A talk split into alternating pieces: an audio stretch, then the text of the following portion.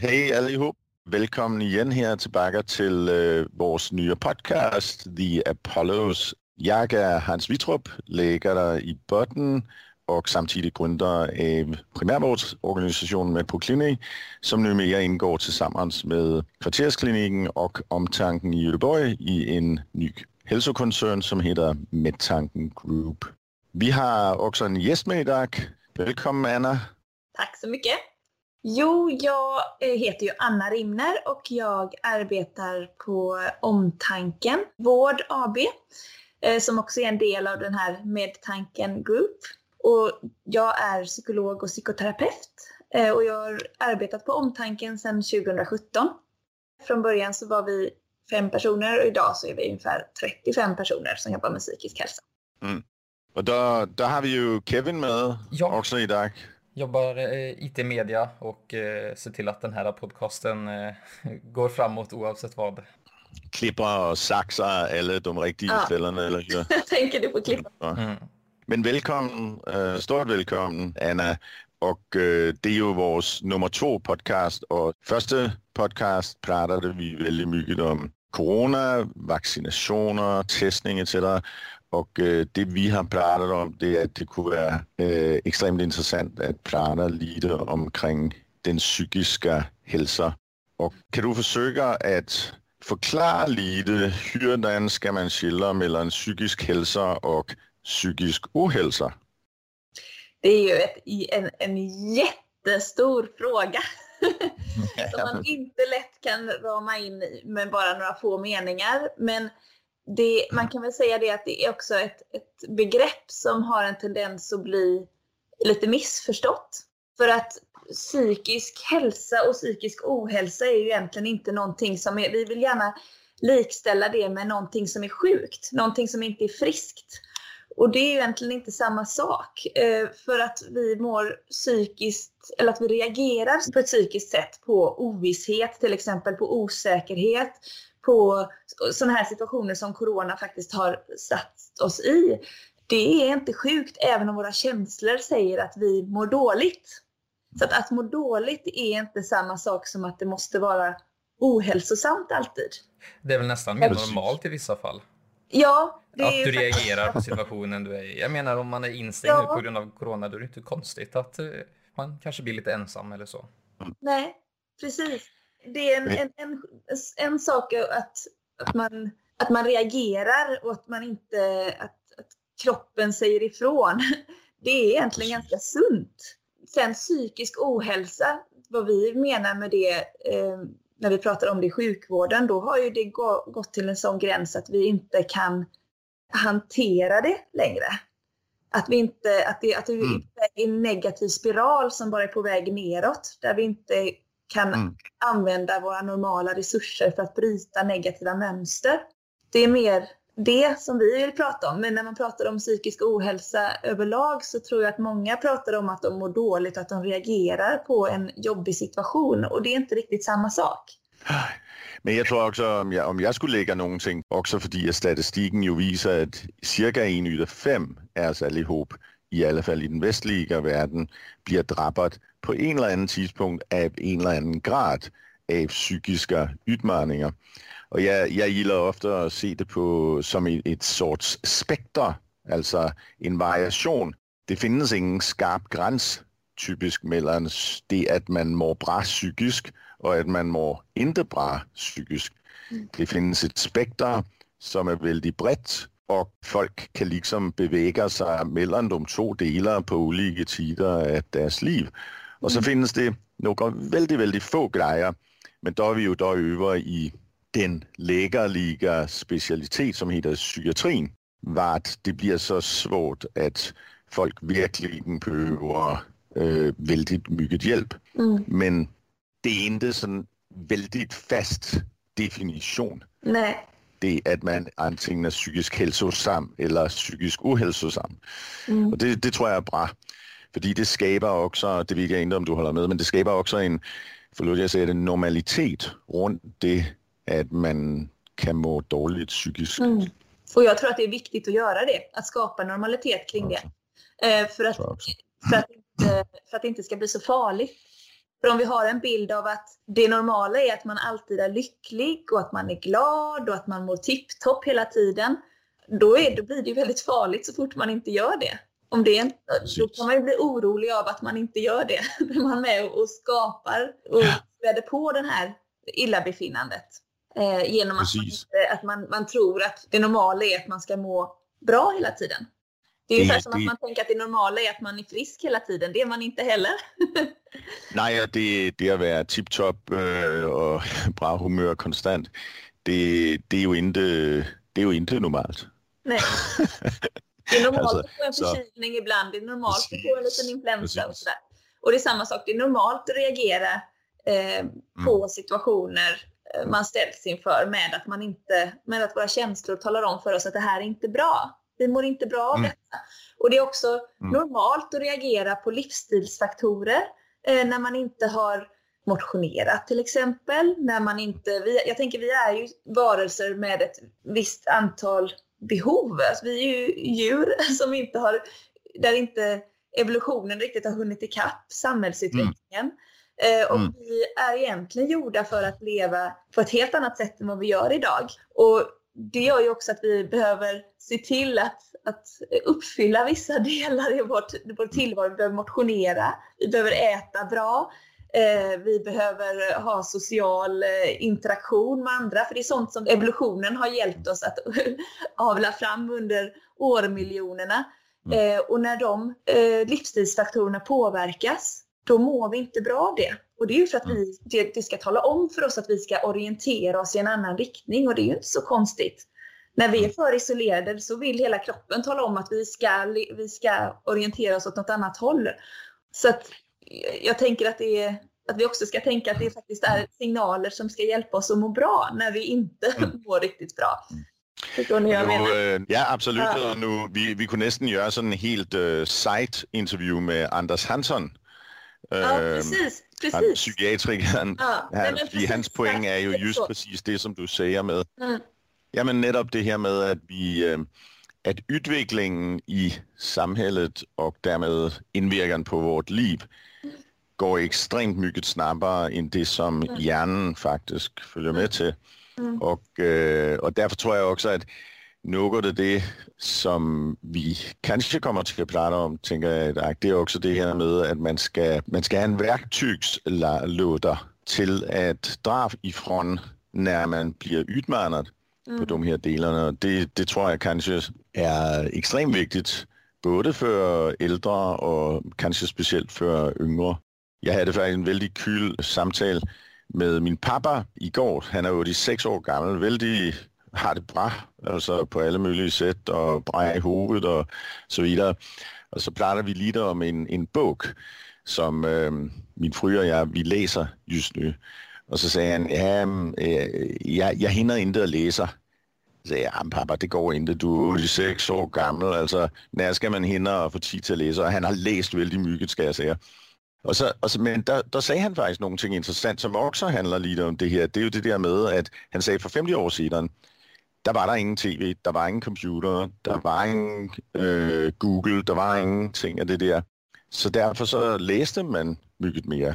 Nu bliver det väldigt mycket till att istället för att läsa, der har man sin laptop, eller istället för att läsa så ser man Netflix eller någonting. Men det är ju också någonting som utmanar hjärnan.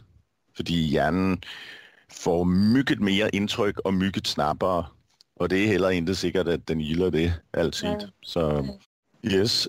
Jag tänkte en annan grej, bara tillbaka till dig. Du är psykolog och psykoanalytiker. Ja, psykoterapeut. Nej, det är... Eh, Psykoterapeut. Ja. Terapeut, okej. Okay. Ja, så jag är inte psykoanalytiker, det är jag inte. Nej, nej, nej okej. Okay. Men psykoterapeut, kan, kan du förklara för oss äh, vanliga dödliga, vad är skiljelinjen? ja, så här är det. att Eh, psykolog är en utbildning som är en femårig utbildning på universitetet. Eh, och där man får kunskap om eh, hur psyket fungerar, man får kunskap om, om eh, den psykiska utvecklingen eh, hos människan. man får kunskap om hjärnan, hur hjärnan fungerar. Man lär sig göra bedömningar som har att göra med både psykisk hälsa hos normalbefolkningen men också det när det inte riktigt blir som, som ja, men när, det, när det handlar om att man får en, kanske en utvecklingsförsening eller ja, den typen av problem också. Men man lär sig också mycket om eh, samhället i stort och hur samhället påverkar oss. Så det är en ganska så gedigen, omfattande utbildning. Mm. De sista två åren av psykologutbildningen då ägnar man sig åt psykoterapeutiskt arbete där man arbetar med att faktiskt hjälpa personer och lära sig tekniker för hur man kan hjälpa personer som inte mår bra, alltså rent kliniskt. Man kan säga att psykoterapeut är en slags vidareutveckling, en specialisering ifrån det. Så att man, blir, man har några år till av det här kliniska tillämpningen. Eh, mm. Så man blir lite mer vässad på det terapeutiska arbetet. Yes, mm. precis. Ja, men det, tror jag, det tror jag faktiskt var väldigt bra. Jag tror att det, det, det är väldigt mycket äh, termer som springer runt i luften och äh, mm. jag tror att folk, folk vet inte alltid vad det täcker över. Så, Nej. Och jag kan ju säga att psykoterapeut är ju inte bara psykologer som är, utan då finns det ju må många andra yrkes eh, sjukvårdsprofessioner kan man säga, mm. som, som också är psykoterapeuter, läkare, mm socionomer. Precis. Ja, det finns flera stycken andra sjuksköterskor som är psykoterapeuter, eller som kan bli. Precis. Kanon. Om vi, om vi snurrar lite runt mot äh, det som ju är högaktuellt, netop corona, covid och då kombinationen med det psykiska välmående eller brist på samma då, då, liksom du har berättat för mig, då var det till en början kanske väldigt mycket prat om hur mycket de äldre øh, och kanske de ensamstående äldre kanske vill bli hårdast drabbat.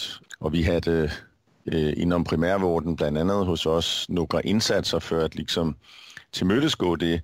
Vad, vad, vad tror du har de blivit, de äldre, har de blivit drabbat eller har de inte blivit drabbat alls eller bara mindre? Jag, jag tror ju att många av de äldre också har blivit drabbade av att de, mm. framförallt de som är de i ensamhushåll. Eh, jag tror inte det är riktigt lika farligt hos de som är, eh, lever tillsammans med någon eller också befinner sig i ett sammanhang eh, mm. där det finns andra äldre kanske. Det mm. finns ju vissa vissa sådana här områden där det bor 55 plus områden till exempel, där de umgås mer tätt tillsammans och då tror jag kanske inte att man har blivit lika drabbad. Men ensamheten, det vet vi ju att det är många som till exempel har uppsökt, eller normalt sett kanske uppsöker vården eller uppsöker olika ställen mm. också för den sociala kontakten och när man inte har kunnat göra det så, mm. så blir man ju mycket mer isolerad och har man ingen natur, någon naturlig interaktion så är det någonting som saknas hos oss eftersom vi är sociala varelser. Mm. Men det som studier har visat är ju dock att det inte är de äldre som har drabbats hårdast, utan de mm. som har drabbats hårdast vad gäller den psykiska hälsan, det är faktiskt de unga vuxna.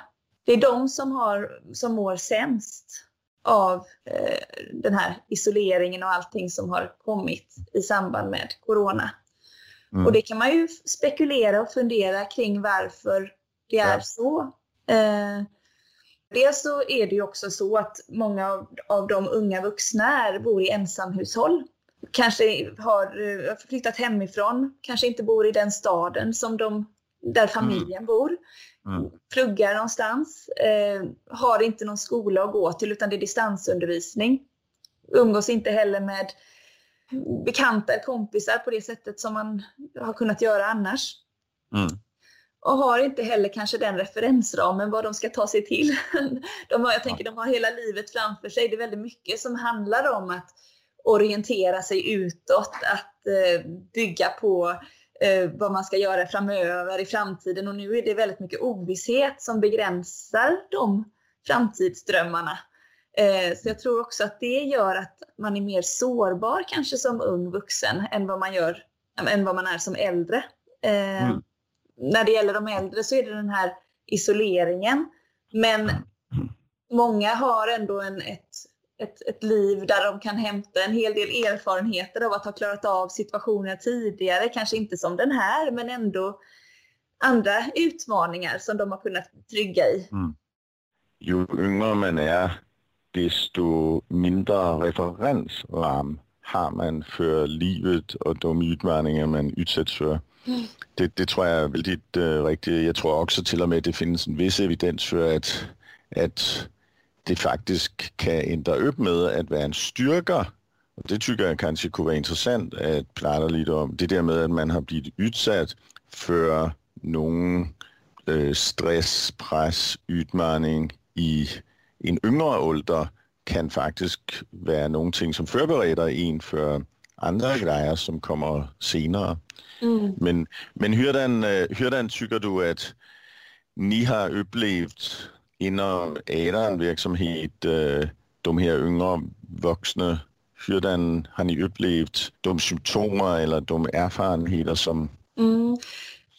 Man kan väl säga så här att till en början under första delen av, av eh, första halvåret kan man säga efter att corona kom så, så märkte vi att det inte var så många som sökte. Eh, jag tror att man ändå klarade av att, att hantera utmaningarna eh, i hopp om att det kanske också skulle vara en övergående historia. Eh, så att under förra våren och under sommaren så var det ändå ganska så okej. Okay.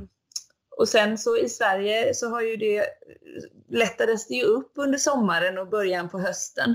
Var på det sen, man fick, det blev ett otroligt eh, stort bakslag kan man säga och många blev sämre igen under hösten. Och det vi har märkt är att efter det bakslaget, eh, eller vad man ska kalla det, så har det visat sig att det är väldigt många fler som söker och många som mår dåligt. Så nu under det här mm. vinterhalvåret som har varit så har vi märkt att det är väldigt många fler som söker. Mm det är många som söker för, för nedstämdhet och depression. Eh, det är många som, som söker för att de eh, helt enkelt eh, upplever en hopplöshet i förhållande, de inte vet hur de ska hantera sin tillvaro.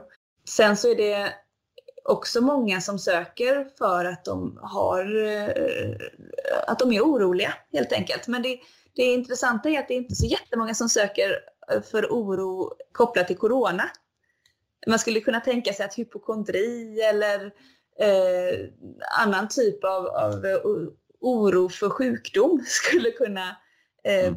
blomstra upp i ett sånt här sammanhang. Men det är inte så mycket det, utan det är mer andra saker. Men vi märker att oavsett vad man söker för så sök, är det fler som söker. Eh, men generellt sett så ser vi att depressionstalen går upp, men också olika typer av ångesttal, men inte specifikt hypokondri eller specifikt mm. eh, oro och ångest kopplat till corona. Mm.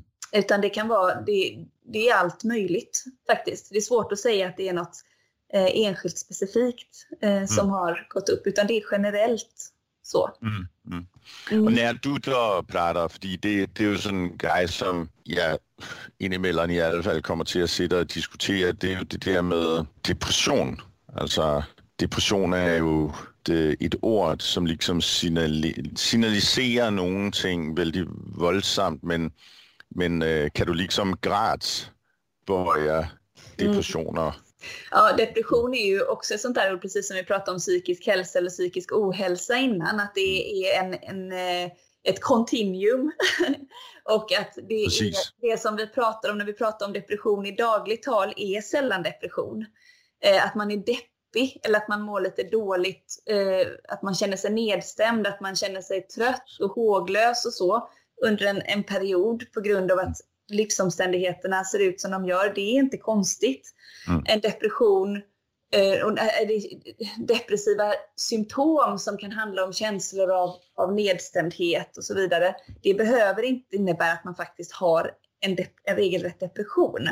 Så depressiva symptom är inte samma sak som en depression. Det tänker jag är väldigt viktigt att Precis. komma ihåg. Det, det, det, var just av den orsaken att jag frågade, för jag tycker också, jag tycker netop att i det här kan man säga informationssamhälle vi, vi bor och lever i, då, då blir det väldigt mycket att man hafsar på några termer och då har alla liksom det. Och det är inte att man ska underskatta det och undervärdera det, inte alls. Det är bara viktigt, fordi at jeg tror, at det också skapar hopp mm. skaber håb om, at man faktisk inte behøver at stanna upp der. Mm. Mm. Og det jeg tænkte, jeg stille dig en fråga. Det, det ved jeg ikke, om du har data på. Nu er vi yde i nogle af de der gejerne, som kommer undervejs, når vi prater. Men man, man prater jo ofte om, at til eksempel fitma i samhället har en socioekonomisk skævvridning mm. mod den lækre socioekonomiske gruppering, at mm. om man inte har så bra sociala og økonomiske forholdene, mm. der findes det faktisk flere, som bliver forfitma som øh, udmaning. Hvordan ser det ud med de her depressioner, stress, nedstemthed, etc.? At det, findes det nogen sammenhang mellem sociale økonomiske faktorer og, og dumkänslorna? Alltså många gånger när man har en socioekonomisk eh, utmanande situation så är det ju eh, ofta där som fokus hamnar. Och det är inte så, så konstigt heller att man reagerar med negativa eh, känslor när man behöver kämpa mycket. Om man inte får eh, ekonomin att gå ihop till exempel eller att man, har, man bor i ett, ett sammanhang, ett område kanske där det finns eh, många personer som inte mår så bra. Eh, det är lättare att hitta olika typer av gängkonstellationer och, mm. och sådär. Jag tänker att det är lätt att det får ringar på vattnet. Eh, men som också skulle kunna ha en, en ganska naturlig förklaring. Då skulle jag inte riktigt vilja säga att det, att det måste betyda att depression som sådan är mer vanlig. För depression är, eh, då har vi liksom vridit ratten lite till. Jag tror att det, att det är lätt att man vilseleder sig på att, också, att, det, att det är mer vanligt förekommande på grund av att faktiskt situationerna är så mycket mer utmanande också för många av de som lever i socioekonomiskt utsatta områden. Så att jag, jag, jag vet inte om jag kan svara på det. Nej, Nej men äh, och, ja, det är en svår fråga. Jag, jag vet spänner mig heller inte om det finns äh, något data på det, men, men, men man kan säga att orsaken till att jag tycker det är värt att prata om, det är just det här med att alltså allmänna personer, så snart man börjar prata om psykisk hälsa och psykisk ohälsa, då blir det en liten stigmatisering, alltså en liten, det, det är någonting som vi kanske helst inte vill röra vid så mycket. Jag tror att det är att vi till exempel genom denna här podcast kan bidrage til at normalisere det, at man inte har det, som man har lyst til at have det altid. Ja. Det, det tror jeg er vældig vigtigt, mm. fordi der, der, kan man, der kan man også komme videre og netop just mm. skabe mm. det her håb om, at man mm. faktisk godt kan have det bedre nogen ja. anden gang. Ja, absolut, så, det er så. Om vi snor os lidt mod øh, det her med værktyg, fordi mm. det tror jeg jo er en stor brist at øh, i, i folks uppfattning av vad kan man göra? Mm, vad kan man göra? Eh, det beror ju också helt och hållet på hur långt den här negativa spiralen har gått. Eh, ofta så är det så att initialt när man, om man är i början av det här kontinuumet av att inte må helt bra, när det handlar om psykisk eh, hälsa eller ohälsa, Eh, så är det många gånger så att märker man att, att, man, att livsstilsfaktorerna börjar påverkas, att man inte kanske rör sig som man, eh, man tänker att kroppen egentligen skulle må bra av att man gör, eller att man eh, stressar väldigt mycket, att man inte har en balans i tillvaron, mm. då är det oftast där man behöver börja. Om mm. det inte har kommit längre än så, vill säga det är ett väldigt, det är väldigt, väldigt bra sätt att förebygga psykisk ohälsa. Eh, det är att sköta om sina livsstilsfaktorer och att ha en balans i tillvaron. Och det är ju lättare sagt än gjort för många i det här mm. samhället. För det handlar också om att balansera mängden intryck. Eftersom vår hjärna har en tendens att bli ganska stressad, apropå det som vi pratade om förut med din pappa där och böckerna. Ja. Eh, att mängden intryck faktiskt också gör oss stressade. Så vi tänker kanske inte på allting som är med och bidrar till den här obalansen som kan uppstå. Att vara vaksam på de delarna, det tänker jag är ett väldigt bra första steg. Sedan så när det väl har vridits ett litet varv till på det här kontinuumet så är det ofta så att, att när kroppen, när man, vi börjar må dåligt när kroppen börjar reagera, och när jag säger kroppen då menar jag även hjärnan, jag menar våra känslor, jag menar vårt ja. eh, limbiska system. Mm. då kan det ju också vara så att, vi, att kroppen sänder ut signaler som, som säger att vi bör agera på något sätt. Och många gånger är de signalerna obehagskänslor. Och obehagskänslor gillar vi oftast inte att ha, så då vill vi oftast ta kontroll på dem. Antingen genom att undvika situationer som får oss att må dåligt, eh, eller undvika de här känslorna på olika sätt. Och det som många tar till då, det är att de hittar olika sätt att döva känslorna. Eh, och det kan vara allt ifrån att man, eh, den här motionen som är så viktig för att få balansen i vardagen, det kanske är så att man använder den till en extrem som inte blir riktigt hälsosam. För att man vill ta bort de där känslorna. Det kan också vara så att man äter en massa saker för att få bort känslorna. Eller att man eh, flyr in i olika sammanhang. Man kanske är datorspel eller, eh, eller eh, telefonen. Bara för att slippa de där känslorna. Och jag tänker att när det gäller verktyg då kopplat till det här är ju att vara vaksam på att det faktiskt är vanliga tecken på att man behöver balansera upp. Att när man kommer på sig själv att de här jobbiga känslorna vill jag helst fly ifrån. Ja, men då kanske vi ska söka hjälp för det. Mm. Eller börja uppmärksamma den här obalansen. Och här, här tänker jag faktiskt, nu, nu, först vill jag dra lite i, nu, nu använder du uttrycket det limbiska system. Ah. Och äh, det limbiska system är ju ingenting som äh, som folk tror jag vet nødvendigvis hvad er. Men øh, jeg tror också det är Anders Hansson har vist också en längre bit omkring det. Men man kan väl säga att det limbiska system är urmännisket i oss. Reptilhjärnan.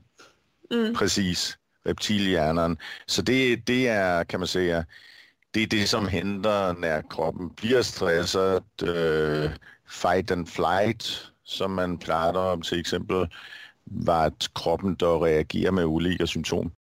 Det, det som jag tycker är hyfsat intressant i, i det du säger där, det är hurdan, alltså de söker hjälp, säger du. Ja, och, och, och, det tror jag, vi är ju inom vården, så vi är ju till och vi är på plats för att hjälpa.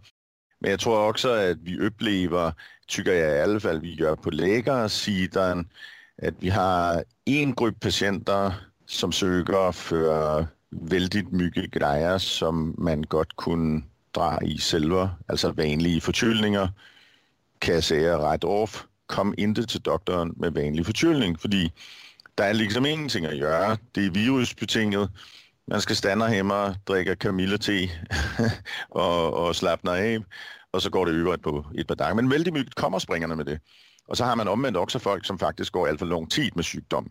Så det är ett mismatch mellan hur den används. Så det jag tycker kunne vara intressant att dyka lite mer ned i, det är netop det där med, jamen, hur blir folk uppmärksamma på de här symptom som det limbiska system liksom mm. får oss till att reagera med.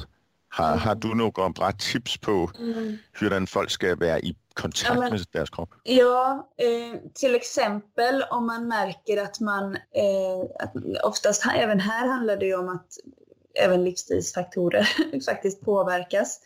Eh, vi har inte pratat om sömn någonting, men sömn är ju också en sån faktor som faktiskt är väldigt viktig för att vår kropp ska vara i balans. Vi, eh, det är vår, eh, en av våra viktigaste verktyg för återhämtning eh, och som också ger en signal på hur vi mår.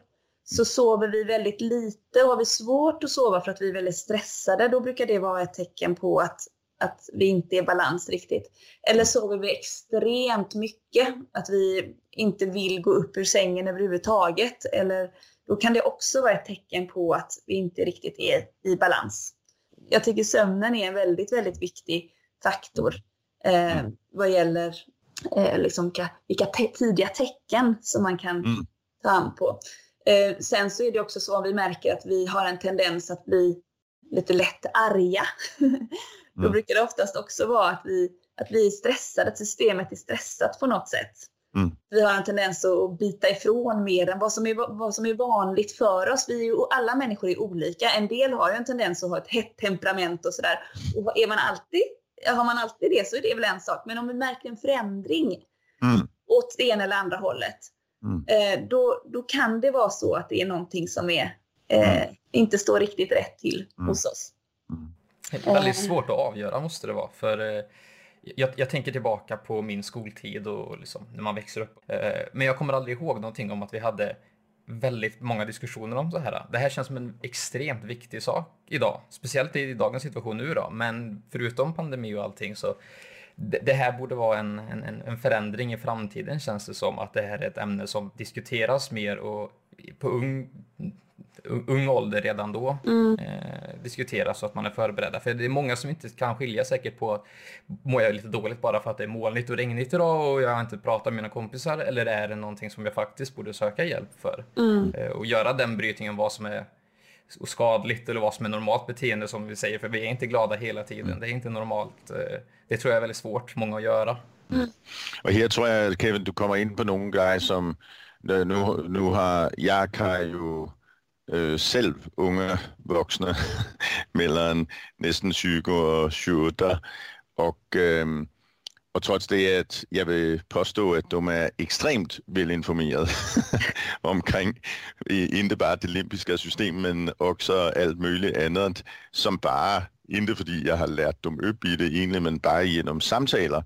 Men det, som jeg tykker er værd at adressere, det er jo det her med, at det er väldigt svårt att övertyga unga vuxna om att de faktiskt kan göra någonting själva. Mm. Altså, du prater sömn, Anna, kanonvigtigt. Vi prater om det här med skärmtid, mm. off-on. Øh, vi prater om alla de här sinnessygt mycket intryck av mm. alla möjliga olika slag. Men det är som om, att tycker att det, det är väldigt svårt att hitta hittar rätt i det med att det faktiskt är oftast det vi själva gör mm. som får oss till att, mm. att ha det som vi har det och vi mm. kunde göra några förändringar. Vad, vad har du för tricks till det? Ja, alltså det som är det, som är det kluriga det är ju att vi människor eh, helst vill få en, en feedback snabbt. Vi vill ju att vi vill ju helst göra det som gör att vi mår bra på kort sikt. Och att Eh, det är inte alltid det som, gör, som vi gör för att må bra på kort sikt som gör att vi mår bättre på lång sikt. Och om vi kan rannsaka oss själva i det och titta på, okej, okay, just nu mår jag bra av att eh, spela det här datorspelet tio timmar om dygnet den här veckan. Just nu gör jag det. Men om jag fortsätter att göra det, tror jag att det är bra för mig då? Eh, att, att man utforskar den här balansen i tillvaron Eh, på längre sikt, att man har det med sig. Så att man inte, för, för det är så lätt att vi hamnar i det kortsiktiga, den kortsiktiga gratifikationen eftersom det är, vi vill, det, det är det som har hjälpt oss i evolutionen också kan man säga. Det är ja. det som har, som har lett till överlevnad på kort sikt. Mm. Det är viktigare för oss. Det är mer prioriterat än den långsiktiga överlevnaden. Mm. På grund av att, att samhälle, eller att, att uh, vår miljö har sett ut sån. Idag så ser det inte ut på det sättet. Det är inte så att den kortsiktiga överlevnaden är så hotad. Mm. så, vi, så det är snarare så att om vi hela tiden går på, den, eh, på de signalerna som gör att vi mår bra på kort sikt så, så är det inte säkert att det hjälper oss på lång sikt. Så vi behöver bli lite mer medvetna om vad våra val som vi gör i stunden, mm. hur de får oss att må på längre sikt och vad de gör för vår balans i tillvaron på längre mm. sikt. Eh, för många gånger behöver vi gå tvärt emot det mm. som vi mm. mår bra på kort sikt. Mm. Precis. Och här tycker jag att du kommer in på någonting som är viktigt, för jag tror att jag gissar på att du vill också säga då att det är något av det som vi erbjuder, ni erbjuder inom om øh, psykisk hälsa-teamet, det är just att hjälpa folk med att förstå de här metoder, de här verktyg till att tänka mer långsiktigt. Mm. Det är ju inte alltid detsamma som att folk hafsar på med detsamma øh, och tycker det är en bra idé. Men här, här tänker jag faktiskt fråga dig, med risk för att du säger att det har vi inte, men, men nu här med hela den digitala øh, vågen, och tycker jag ju i alla fall att det finns extremt mycket bättre øh, möjlighet till att faktiskt unga vuxna till exempel men också äldre ensamma som kanske kan hjälpas till att lära att använda de digitala medel kan få lite snabb, äh, snabbare åtgärd och, och kanske lite han, han känsla av att det är lite mer privat. Ja. Äh, men är det, är det någonting, erbjuder vi det du menar digitala lösningar, digitala kontakter? Eller? Ja, alltså både digitala kontakter men även alltså också bara möjligheten till i ett, det jag vill kalla ett reglerat område att få ett, en verktygslåda att jobba ifrån. För det, vi vet allihop att vi kan gå på Google och så kan vi googla allt möjligt. Mm. Det som är problemet där tycker jag, det är att det är inte till att veta hur mm. genomtänkt eller bearbejde, det är det man hittar. Men så det som man hittar till exempel om man går in och hittar psykisk hälsoteamet hos dig, då vet man att det är så mm. evidensbaserat som det går att bli etc. Har, har vi de möjligheterna? Mm, det har vi faktiskt. Vi har i Medtanken, vår eh, satsning som vi eh, har lanserat nu den senaste tiden, mm. så eh, kan man ju söka när man upplever att man har eh, bekymmer eller man misstänker att man har bekymmer på något sätt av det som vi har pratat om nu. Då kan man söka och få en bedömning hos någon i team psykisk hälsa och där har vi också de här första insatserna i form av små eh, instruerande filmklipp, både där man får lära sig tekniker men också man får lära sig, man får ren information om olika typer av tillstånd. Så att vi har ett ganska en ganska så eh, gedigen verktygslåda där faktiskt. Så det ja. man i så fall gör är att man hör av sig till, till eh, medtanken och så utifrån den bedömningen som man får så får man en, en länk till någon av de här filmklippslådorna kan man säga. Mm. Där man kan få lära sig om olika eh, sätt som man kan hantera ett mående på. Jag kan göra så att jag länkar till medtanken i beskrivningen eh, av podcasten mm. så folk mm. som är sugna kan kika på det och kolla vidare ja. ifall det är intressant. Tycker jag är en bra idé och, och ja. bara, vi kan bara förklara att medtanken just som Anna säger är ju det här eh, digitala online kontaktverktyg som liknar på väldigt mycket andra men var att vi ju just försöker kombinera det digitala med ett eventuellt behov för det fysiska. Fordi ja. at vi har alla våra vårdenheder, och ni har på psykisk hälsoteamet har ni ju mottagningsverksamhet också ja, om, om det behövs.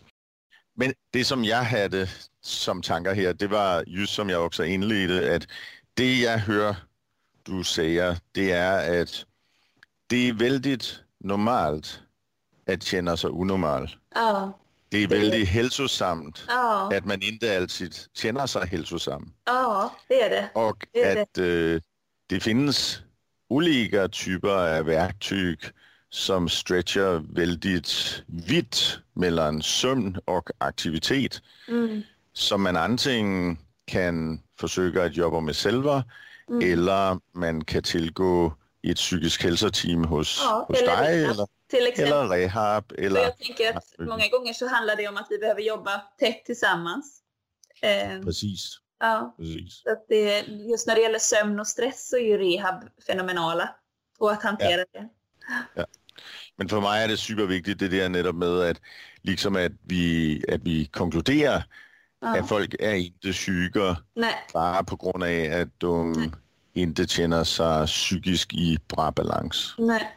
Och många gånger så tänker jag att de som kommer till, till oss, där kanske det inte är så att de ska ha någon regelrätt insats, utan det kanske räcker med en första eh, inramning och några små verktyg som är hjälp till självhjälp. Det är ju en devis som vi arbetar mycket efter.